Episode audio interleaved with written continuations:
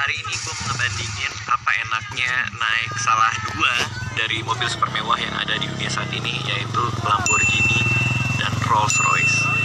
Tapi untuk mencari mobil Lamborghini sama Rolls Royce untuk dipinjemin dan gue naikin susah banget.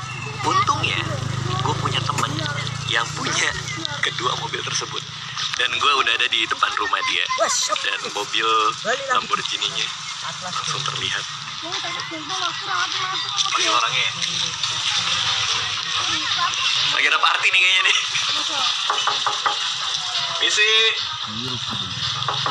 Si.